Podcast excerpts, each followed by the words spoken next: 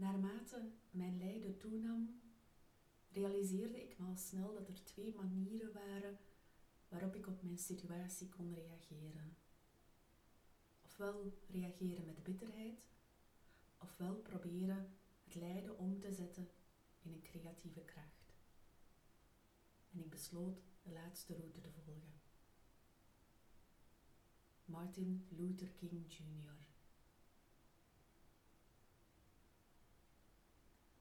Een complexe scheiding brengt heel wat lijden met zich mee. De eerste plaats voor je kinderen, voor jezelf, misschien nog voor jouw gezin, jouw familie, je ouders.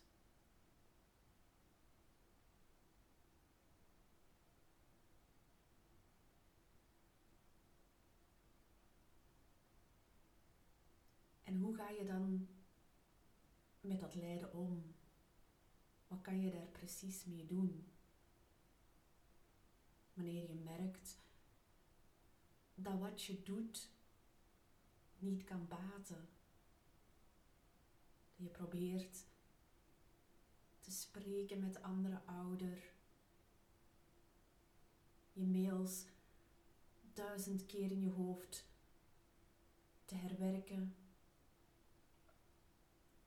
En dan hopend dat je net die goede mail hebt gemaakt die geen ellende zal geven. Wanneer je merkt je verstuurt die mail en je krijgt binnen de vijf minuten een zeer ellendige reactie terug die je omverblaast, die je verscheurt, waarvan je denkt, potjandori en de kinderen waarin je voelt misschien woede, verdriet, teleurstelling, onmacht, frustratie. Wat als die weg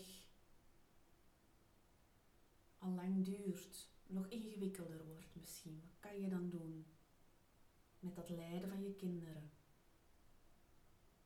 Niet eenvoudig. Daar wil ik het met jou over hebben in deze aflevering.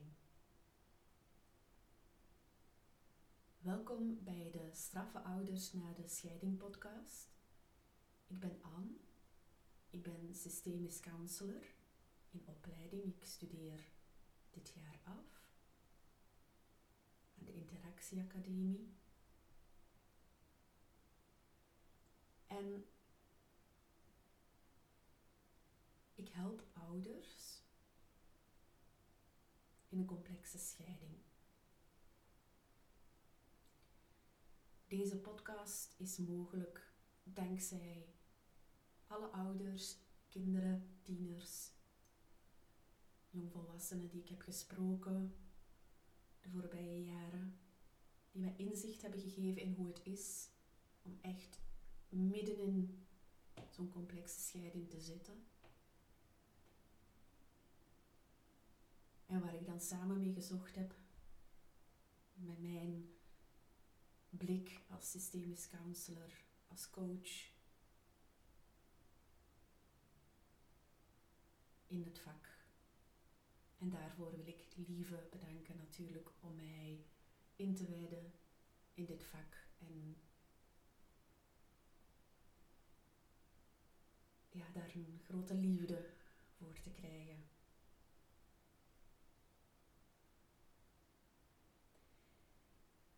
Als je hier graag geholpen bij wil worden, check dan even de Glinster Tribe. Dat is www.glinster.co slash tribe, T-R-I-B-E. Daar vind je alle verschillende informatie over hoe ik jou daarbij kan helpen, samen met een hele warme groep van andere ouders om de route die ik neem met ouders, als je daar graag dat heel concreet wil maken voor jouw situatie, daar aan de slag mee wil gaan, dat wil gaan ervaren, dat fundament leggen.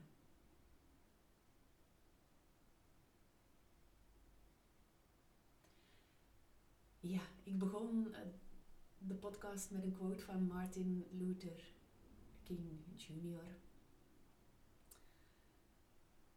Ehm,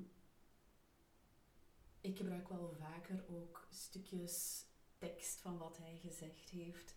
Ook in de Glinstertribe, in de doekersus Parallel Ouderschap, is hij ook een, inspiratiebron van hoe gaan we nu om met onrecht. Ehm, en wanneer we in een machteloze positie geduwd worden, zitten, terechtgekomen zijn. Ik heb van 2018 tot 2021, ja, dat is nu al, al even. Ik heb drie jaar lang heb ik elke maand een webinar gegeven. Elke maand. Um, je kan het webinar, ik heb een opname van een van de webinars, dat kan je trouwens ook aanvragen. Als je op de mailinglijst komt, dan maak ik een account voor jou waar je wel gratis materiaal kan vinden. Daar staat ook nog het webinar. En ik stelde mezelf in een halve minuut voor in het begin. Ik toonde daarbij enkele foto's van mij in, van, in mijn huidige dagelijks leven. En een van die foto's was mijn schilderspalet. Um, ja, dus een, een, een bord. Ik gebruik gewoon een bord met acrylverf. En dan al die, al die acrylverf er rond. En dan schildert. Schilderen is voor mij een, een belangrijke bron van, qua creativiteit, om mijn creativiteit kwijt te kunnen. En ik zei dan ook tijdens dat webinar, ja, creativiteit is ook iets wat ik inzet in mijn werk. Met ouders, met kinderen. En heel toevallig kwam ik dat dan tegen in deze uitspraak van Martin uh, Luther King Jr., die creatieve kracht. En dat is iets waar dat ik samen met de ouders heel goed in zijn om creatief, om een creatieve kracht in te zetten. Ik ga je daar dadelijk wat meer over vertellen.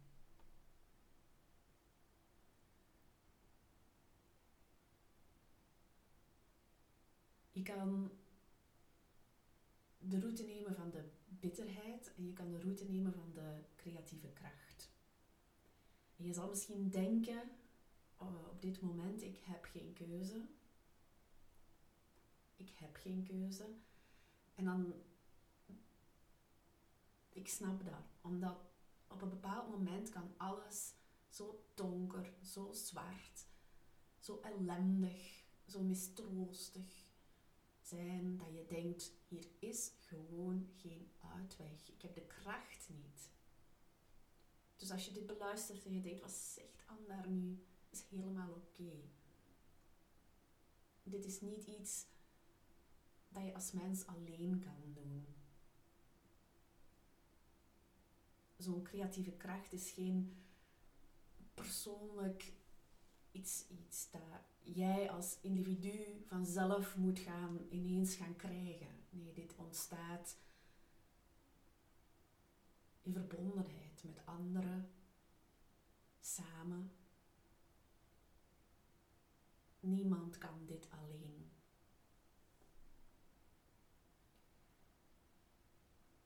En dat is precies ook waarom ik ouders in complexe scheiding verbind met elkaar. Waarom ik mij niet richt op het individuele samenspreken in de, in de therapiekamer, maar ouders verbind met elkaar. Om daar samen die creatieve kracht op gang te brengen.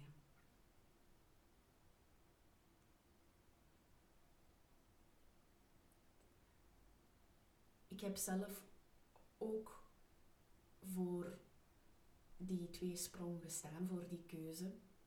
En toen ik 34 jaar was, ontmoette ik een vrouw in de 40. En zij was kinderloos en ze was daar heel verbitterd over.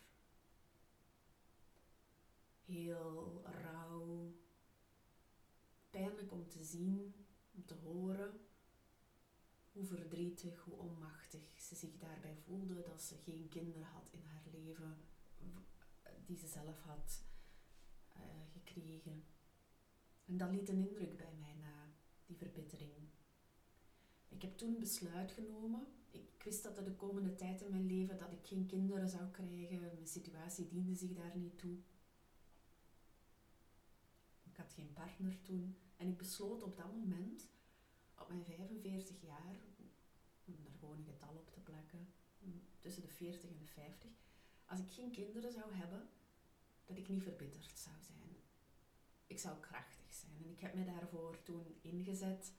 Ik heb toen ook gesprekken gehad over kinderloosheid, boeken gelezen. Ik ben nu 42 en het voelt helemaal oké. Voelt zoals dat het moet zijn. Het is, er zitten geen rauwe, pijnlijke gevoelens in, wat niet wil zeggen dat het op sommige momenten niet lastig is.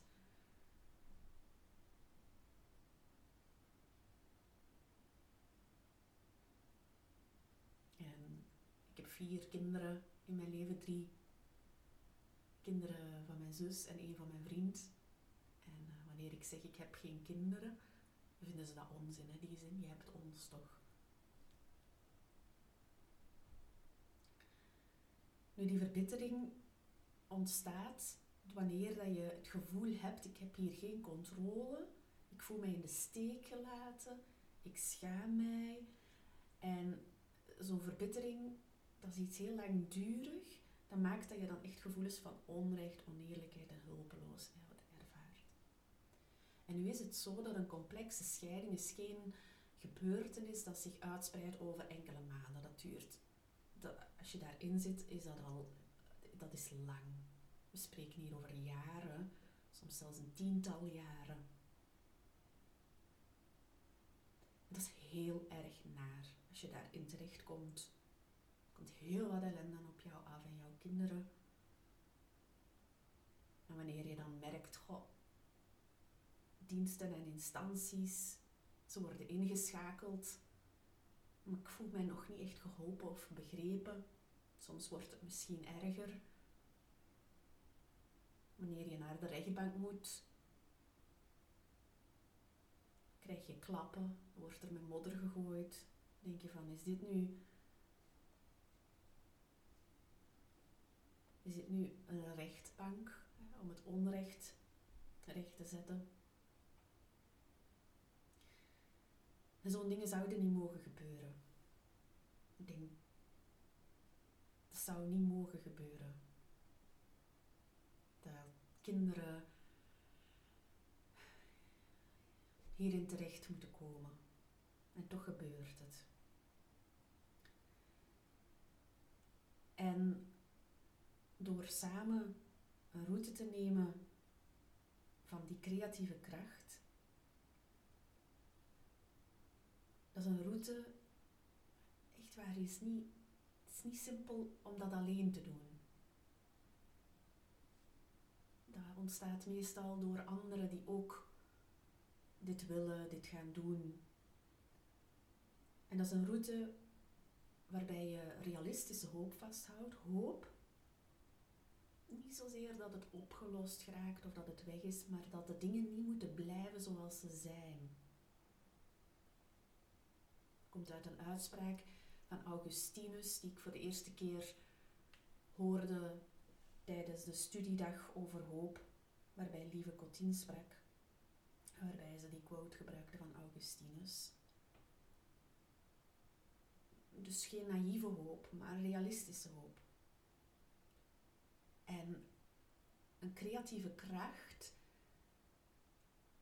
lijkt ook wel op veerkracht, het woord om in zeer ellendige en zeer ingewikkelde situatie iets te doen waar je merkt, ik heb effect, ik heb invloed op het welzijn van mijn kind of kinderen. Waarbij je dus niet machteloos voelt, verbitterd, waarbij je niet depressief wordt omdat wat je ook doet, baat precies niet. En die creatieve kracht daar kan ik het in een volgende aflevering eens over hebben. Wat dat dan precies concreet is. Nu zal je denken van ja oké, wat is dat dan? Ik wil het gewoon vandaag hebben over die twee naast elkaar. De verbittering en de creatieve kracht. En daar ben ik dus heel bedreven in. Ik had deze week een workshop in de Glinstertribe over um, hoe dat je je kinderen kan steunen om na te denken, om, om, om patronen te zien. En ik was een workshop aan het geven en er schreef een ouder van ja, maar Anne, ik, ik weet dat al van, van, van, die, van dat en je hebt dat al eens verteld en je hebt dat al eens verteld en ik, weet het, maar... En toen deelde ze een gedachte. En dan ben ik gewoon gaan verder zoeken. En dan heb ik gezegd, ah ja, oké. En dan zetten we die creatieve kracht in om een nieuwe mogelijkheid, om, om gedachten van gedachten uit te wisselen. En dan ineens zei ze, ja, dat spreekt me wel aan. Ik denk dat dat wel helpend kan zijn voor mij. En ik wou jou gewoon die mogelijkheid, daar wou ik het gewoon over hebben met jou. Dat die mogelijkheid er is. En ik ken jouw concrete situatie niet. Dus ik kan hier in deze podcast geen concrete mogelijkheden voor jouw concrete ingewikkelde situatie geven. Ik heb wel de ervaring dat in de meest ingewikkelde, meest complexe situaties, in, in complexe scheiding of in dat co-ouderschap, dat er door nieuwsgierig te zijn, dat er en creatief te zijn, dat er krachten kunnen gevonden worden die eerst niet zichtbaar waren.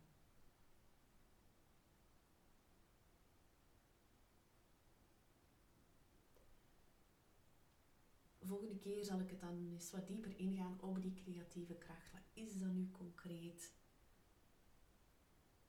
En voor nu nog een fijne dag en tot de volgende keer.